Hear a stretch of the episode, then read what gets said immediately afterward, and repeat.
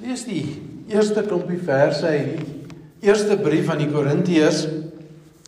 En uh lees van vers 1 tot by vers 9.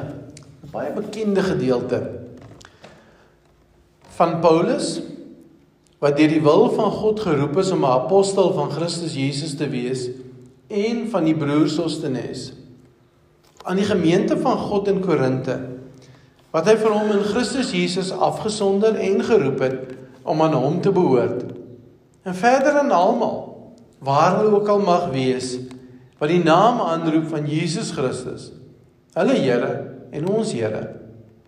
Genade en vrede vir julle van God ons van God ons Vader en die Here Jesus Christus. Ek dank my God altyd oor julle vir die genade wat hy in Christus Jesus aan julle geskenk het. Want in hom het God julle in alles ryklik geseën, veral in die gawes van woord en kennis.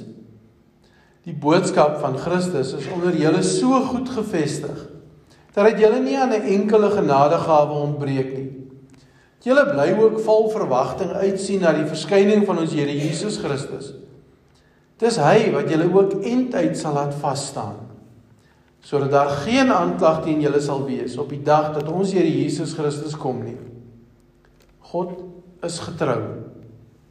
Hy wat julle geroep het om verenig te lewe met sy seun Christus Jesus, ons Here. Lees net tot sover. Vers vers 2 en vers 9. Die mooi woorde. Eerstens die adres aan die gemeente van God in Korinte wat in Christus Jesus geheilig is deur God. I send this letter to you in God's church at Corinth. Believers cleaned up by Jesus and set apart for a God God-filled life. God is getrou deur wie jy geroep is tot gemeenskap met sy seun Jesus Christus, ons Here. En dan parafraseer verduidelik die message het so God who got you started in this spiritual adventure shares with us the life of his son and our master Jesus. He will never give up on you. Verlede Sondag gesê het is dit die tyd van Epifanie? Tyd wat ons die verskyning van Jesus eintlik die begin van Jesus se werk ehm um, na sy doop deur Johannes die Doper wat ons dit vier. En dit is maklik om in hierdie tyd net terug te kyk. Wat het Jesus daai tyd gedoen? Dan vergeet ons soms maar Jesus leef nou. Jesus verskyn ook vandag in ons lewens in hierdie wêreld waarin ons leef. En Paulus kom en hy sê aan vers 9 dat Christus verskyn ook in ons en saam met ons lewens wanneer ons verenig lewe met sy seun Christus Jesus ons Here. En hierdie hierdie 9 verse wat ons hier so bymekaar het, hierdie danksegging en die groet wat so hierso bymekaar is in die begin van Korintiërs is eintlik in 'n sin Paulus se hele prediking saamgevat, gekondenseer. So mense kan ure lank hieroor praat, maar ek gaan net so een of twee goed vanmôre hieroor uitlig. Vir my is dit interessant dat die een groot hoofopskrif wat jy bo oor hierdie klompie verse kan skryf, is die woord dank. Dankie vir alles wat God in die lewe van daai gelowiges gedoen het. En ek is sekerlik dankie ook vir wat God in die lewe van ons as gelowiges doen. Kom ons kyk so 'n bietjie hoe loop Paulus se argument. Begin natuurlik soos gebruiklik, soos almal maar geskryf het in die Griekse wêreld met 'n 'n bekendstelling van van wie af kom hierdie brief nou. Hulle het nou nie soos ons geleer het Jy juffrouens vra, leer jy nog hier regs bo moet jy nou die jou adres sê en die adresseerdes adres en alles. Dis hoe ons geleer het, want daai tyd het nou anders te gewerk. Jy het sommer jou brief begin en jy het gesê aan die begin die bokkant van jou brief van wie af. En as Paulus nou sê dis hy en Sostenes wat hierdie skryf en dit vir hulle vir hierdie gemeente stuur, begin hy nie om sy CV uit te lê en te sê maar hy sê julle moet luister na my want ek is daarom 'n geleerde man en ek het aan die voete van Gamaliel gesit en al die goeters nie. Nee, sy kwalifikasie. Hoekom hy hierdie brief skryf, sien ons daar in vers 1. Want hy is deur die wil van God geroep om 'n apostel van Christus Jesus te wees. God is die bron, God is die autoriteit. God is die fondament van dit wat hy nou vir hulle wil gee. Alles begin by God. Nie oor Paulus en Sostenes, sulke oulike ouetjies was nie. Dit spruit uit God uit. En dieselfde wanneer hy die adres dan neersit. Na hy nou gesê het van wie af kom hierdie brief, dan skryf hy dis aan die gemeente van God in Korinthe wat hy vir hom in Christus Jesus afgesonder en geroep geroep het om aan hom te behoort. God se gemeente. Nie Dominee Apollos of Dominee Sostenes of Dominee Paulus se gemeente nie. God se gemeente. Deur God afgesonder geroep in die nuwe direkte vertaling stel dit baie mooi. Dit is geskryf aan die geroepe heiliges in Korinte. Nou soms uh, sien ons die woord heilig as iets vreeslik. Dit is iets moeilik. Ek is daar eenkant gesit. Nou mense het die in die kerkgeskiedenis die ding gekry dat mense gedink het maar ek kan God net dien as ek daar iewers in 'n woestyn in 'n grot gaan bly en glad nie in aanraking kom met hierdie sondige wêreld nie. Dit is eintlik glad nie waarvan Paulus hierso praat nie. Die 83 vertaling gebruik hier die woord afgesonder. Engels sê dedicated. Dit is eintlik die, die regte verstaan van hierdie woord om heilig te wees afgesonder, eenkant gesit, dedicated vir 'n spesifieke taak. vir 'n spesifieke doel. Hierdie geroepe heiliges wat ook maar ons is, het 'n spesifieke taak. En dit staan daar in vers 9 om in gemeenskap met Jesus Christus ons Here te leef, om verenig te leef met sy seun Christus Jesus. Dis waarvoor ons leef. Dis waarvoor ons daar eenkant afgesonder geheilig is.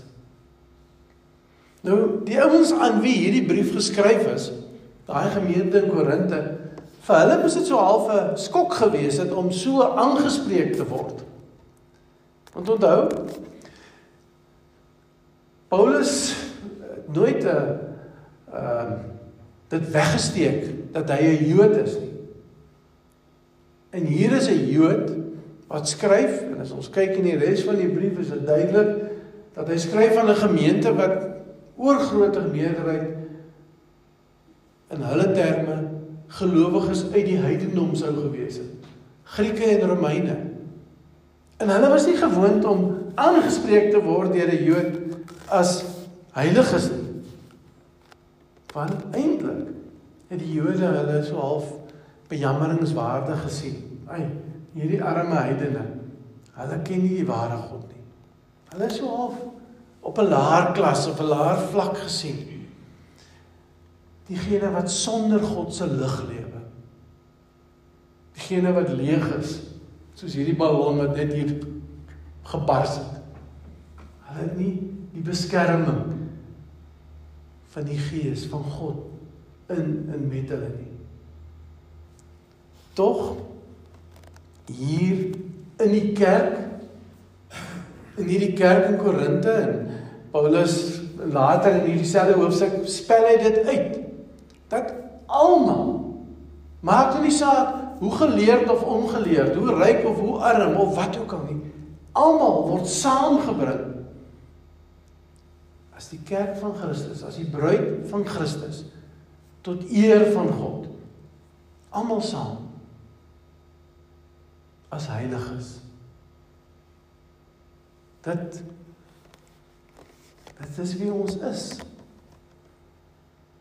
Maak nie saak wat my agtergrond of my werk of my wat ook al is nie.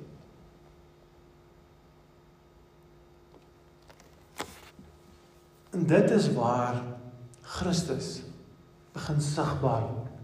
Waar Christus begin verskyn. Dis hoekom hier kan danksegging wees oor hierdie groot groep heiliges in Korinte.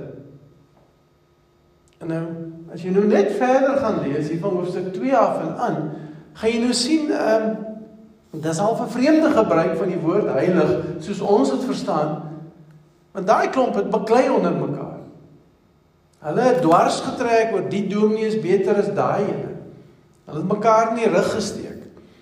Met nagmaal het die een hom dronk gedrink en die ander een het honger gesit. Dit dit was 'n vreeslike spel. Maar tog omdat Christus in hulle lewens is, is hulle heilig. En kan Christus en kan Paulus dankie sê vir God dat hulle nie in enige genadegawe tekortskiet nie. Daarin vers 7. En as 'n mens dit lees en jy lees die res van Korintiërs dan wonder jy nou maar hoe het Paulus nou hierby uitgekom? Want hierdie klomp wat so met mekaar gestry en baklei het en vir mekaar nie het die son gesig gegee het wat op hulle geskyn het nie. Hy sien hulle nie net as as as as heiliges nie. Maar hy hy sê hulle alle genadegawes wat daar is. Nou as ons nou genadegawes verstaan as as as 'n spesifieke ding wat vir jou geskenk word.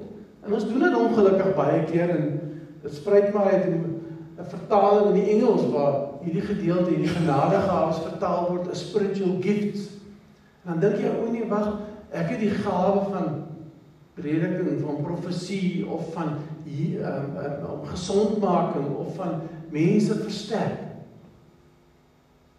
Maar as ons na hierdie woord genadegawes hierso in daai lig kyk, dan mis ons Paulus se punt. Paulus praat van die charisma, charisma toe, die charisma wat by hulle was.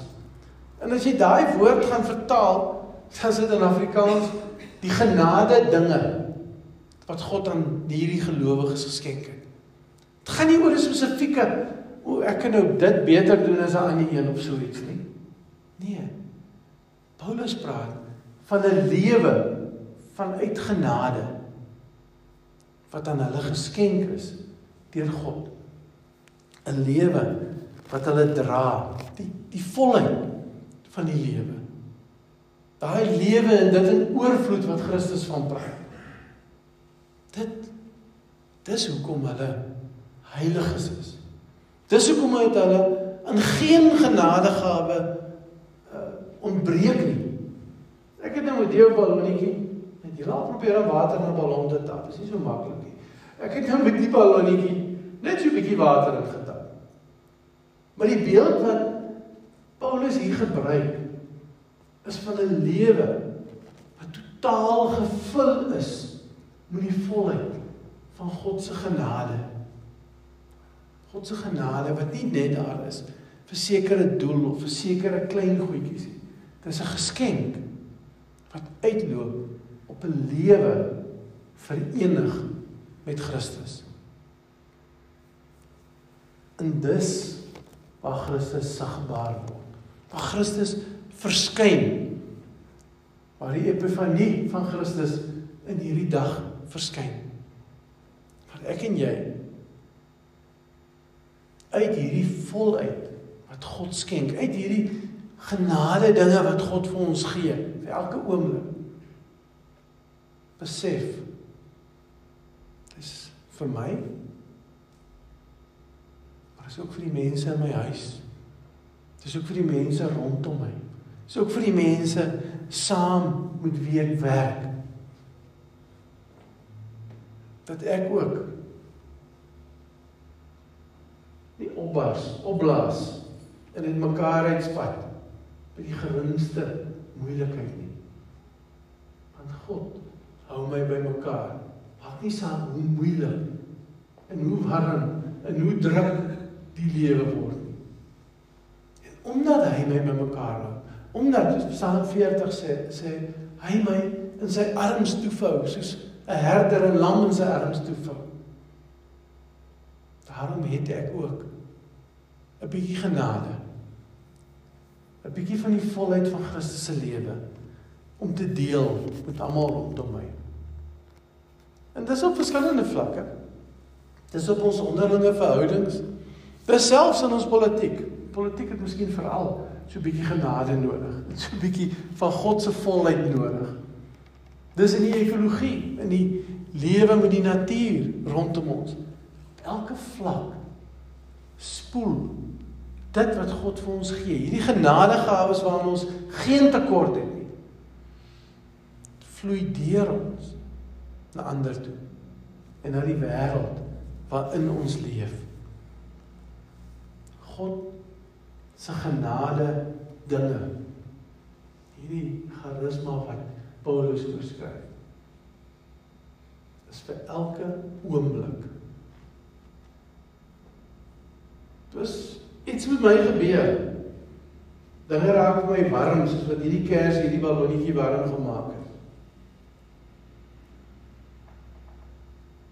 Sonder God se genade gaan ek maar lyk soos hierdie op, opgeblaaste een. Dis net God se genade wat ons by mekaar hou. Wat ons in die moeilikheid laat staan. En nou so baie keer eindig ons net daar. Broei ons onsself warm in God se genade. Hierdie genade is nie bedoel om net vir onsself gehou te word nie. Dis juis daar dat ons die lig vir die wêreld kan wees.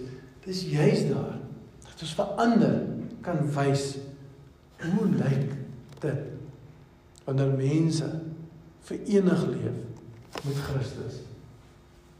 En die message stel dit vir my so pragtig. God started you on this spiritual adventure. He shares his the, with us the life of his son. He will never give up on you. Net soos ons nou dink nee wat, ek is nie goed genoeg vir hierdie ding nie. Dan word ons weer herinner. Dit gaan nie oor my nie. Daai ballonnetjie se wat is daai plastiek is nie sterk genoeg om jou te self te weerstaan nie. Ek en jy is nie sterk genoeg om ons eie te staan nie. Maak nie saak hoe mooi en slim ons dink ons is nie. Verenig met Christus toegevou in die arms van die goeie herder. Dis waar ons in staat is om iets te wys van Christus en van God se liefde, nie net vir my nie, maar vir hierdie hele wêreld. Amen.